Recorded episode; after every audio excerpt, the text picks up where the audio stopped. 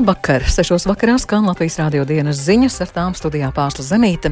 Šodien ziņās plūdu dēļ smagākā situācija Daugavas labajā krastā Krustpils pagastā. Gazas joslā drūzmā pie humanās palīdzības kravām nogalināt vairāk nekā simt palestīniešu. Eiropas parlaments rezolūcijā nosoda Navaļnija nāvi cietumā.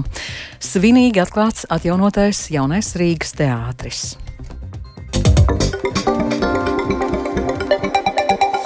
Jēkabils novadā no aplūdušām mājām šodien evakuēti pieci cilvēki.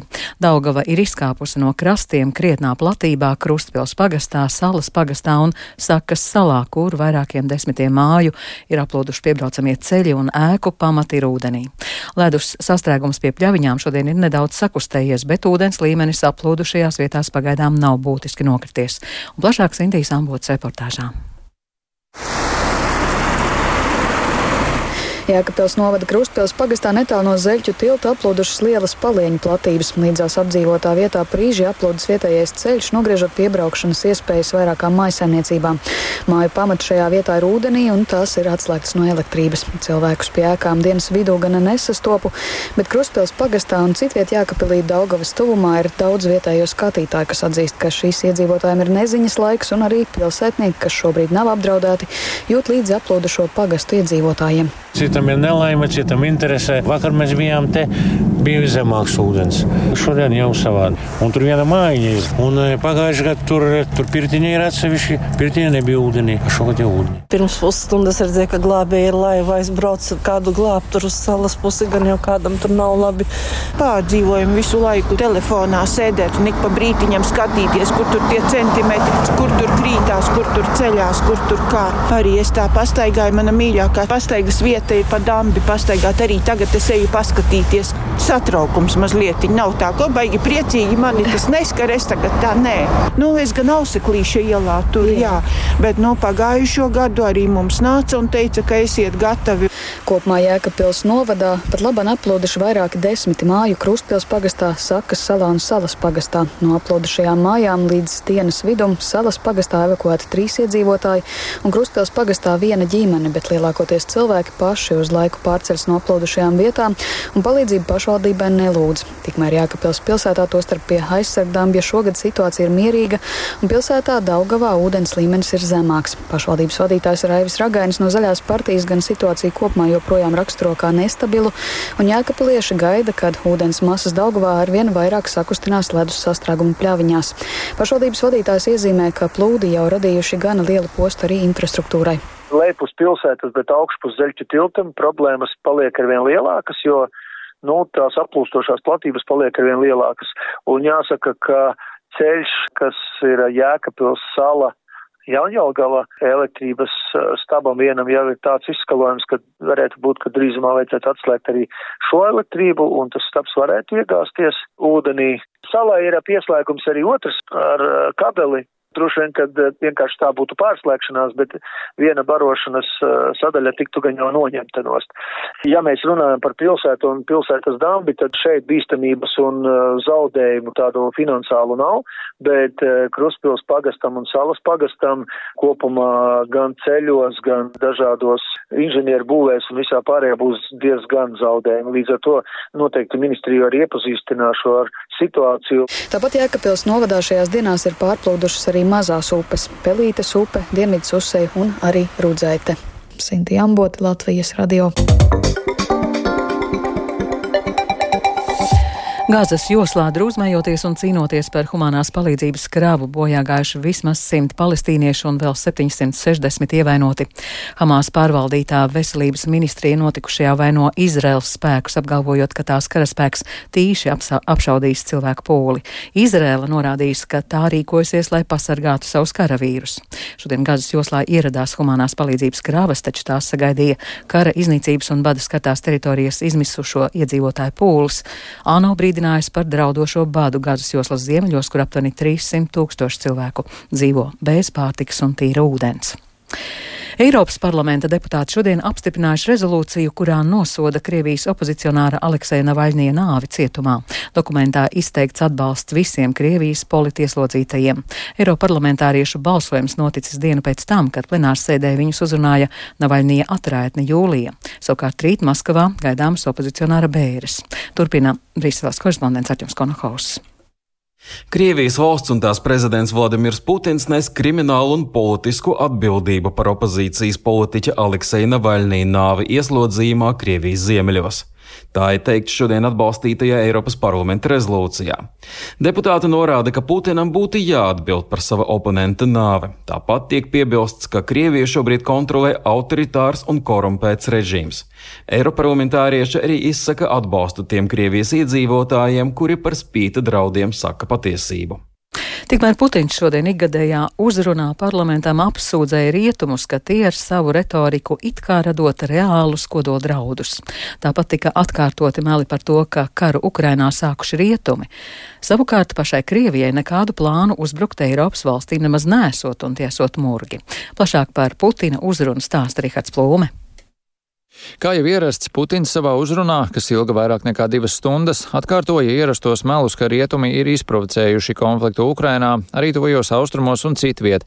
Kaut gan zinām, ka Krievija pati pirms desmit gadiem anektēja Krimu un iebruka Donbasā. Viņš arī slavēja tautu, ka tā visa iesaistās kopīgās uzvaras veicināšanā un militārā industrija tagad raujas trīs maiņās.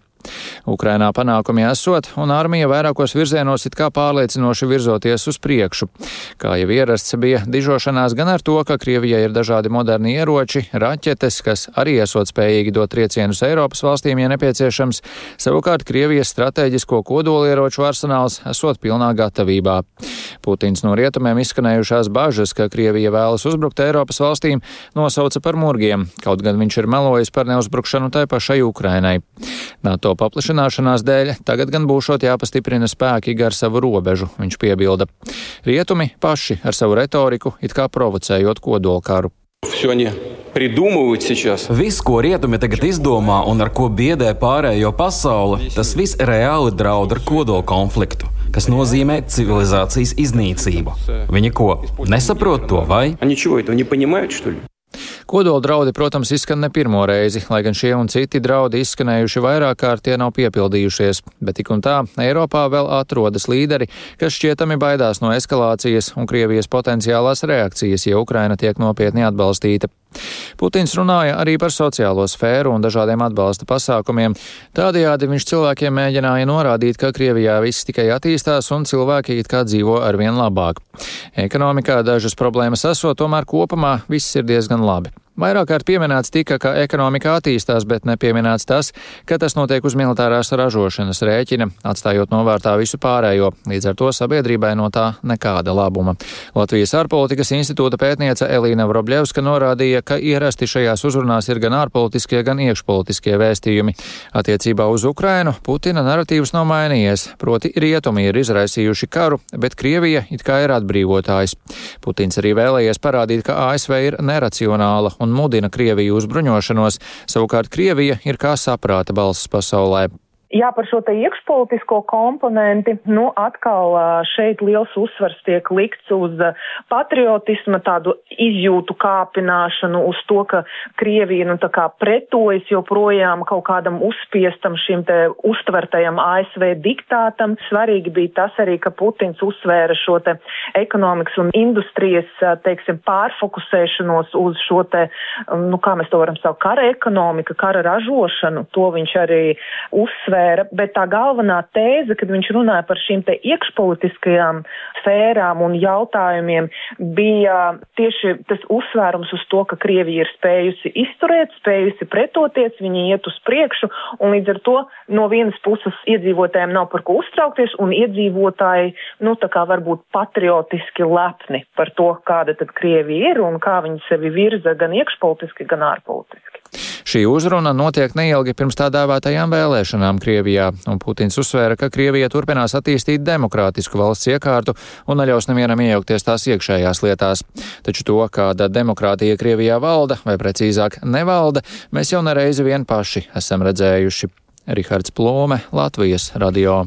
Neskatoties uz Krievijas pilnapmēra iebrukumu un ļoti sarežģīto finansiālo situāciju, Ukrainas valdība lēmusi turpināt pensiju indeksāciju, un no rītdienas 1. mārta aptuveni 10 miljoniem Ukrainas iedzīvotāju gaidāms neliels pensiju pieaugums. Par iespēju atļauties palielināt pensijas stāsta Indras Brānce. Vidēji cilvēki, kas līdz šim pensijā saņēma mūsu naudā pārvēršot ap 240 eiro, no marta saņems par 19 eiro vairāk, bet cilvēki, kas mūsu naudā pārvēršot saņēma pensijas ap 120 eiro, dabūs klāt nepilnus 10 eiro. Atbalsts ir mērķēts mazāko un vidējo pensiju saņēmēju atbalstam. Ar valdības lēmumu noteikts, ka pat lielāko pensiju saņēmējiem indeksācija nevar būt lielāka par 36 eiro. Šī ir jau trešā pensiju indeksācija Krievijas pilna apmēra iebrukuma laikā.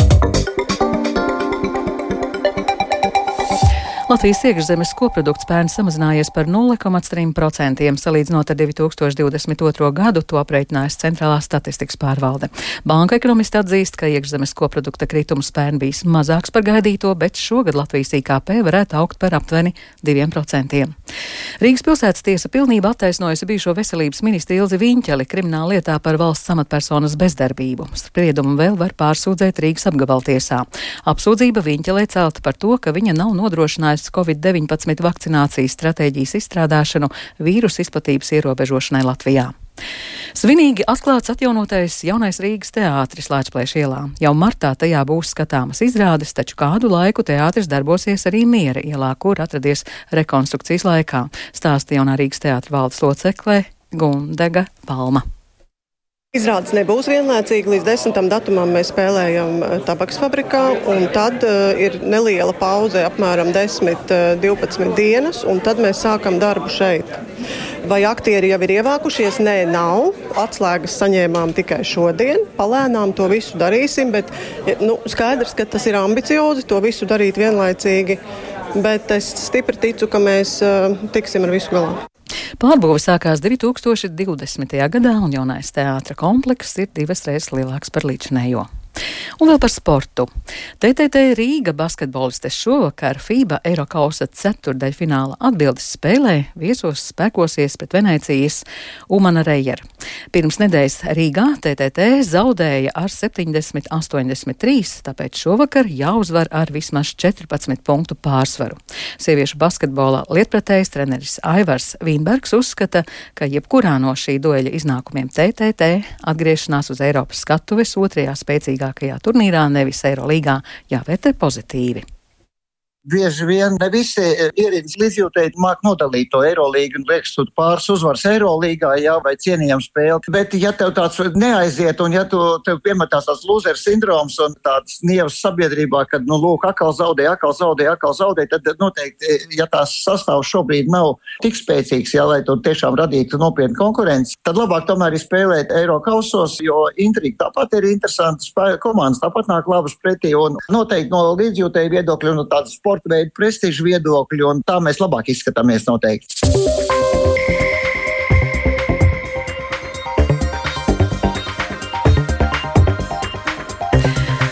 Un ar to izskan Latvijas rādio dienas ziņas. Producents Viktors Pupiks ierakstus montēja Ulris Grīnbergs par labskaņu rūpējās Mātiņš Paeglis. Ar jums runāja Pārsla Zemīte, vēlīs par svarīgāko. Plūdu dēļ smagākā situācija Daugavas labajā krastā Krustpils pagastā. Gazas joslā drūzmā pie humanās palīdzības kravām nogalināti vairāk nekā simt palestīniešu. Eiropas parlaments rezolūcijā nosoda Navaļnie nāvi cietumā. Putins uzrunā vaino rietumus reālu kodola draudu radīšanā. Un svinīgi atklāts atjaunotais jaunais Rīgas teātris.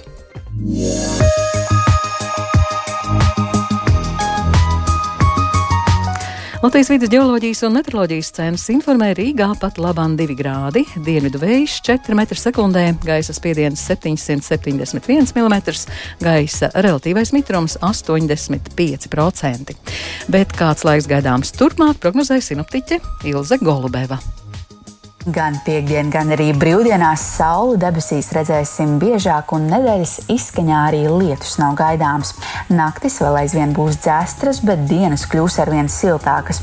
Naktas stundās gaisa temperatūra austrumos vēl pazemināsies nedaudz zem 0 grādiem, bet dienlaikā teritorijas lielākajā daļā termometra stabiņš pakāpsies līdz plus 6, plus 12 grādu atzīmēji.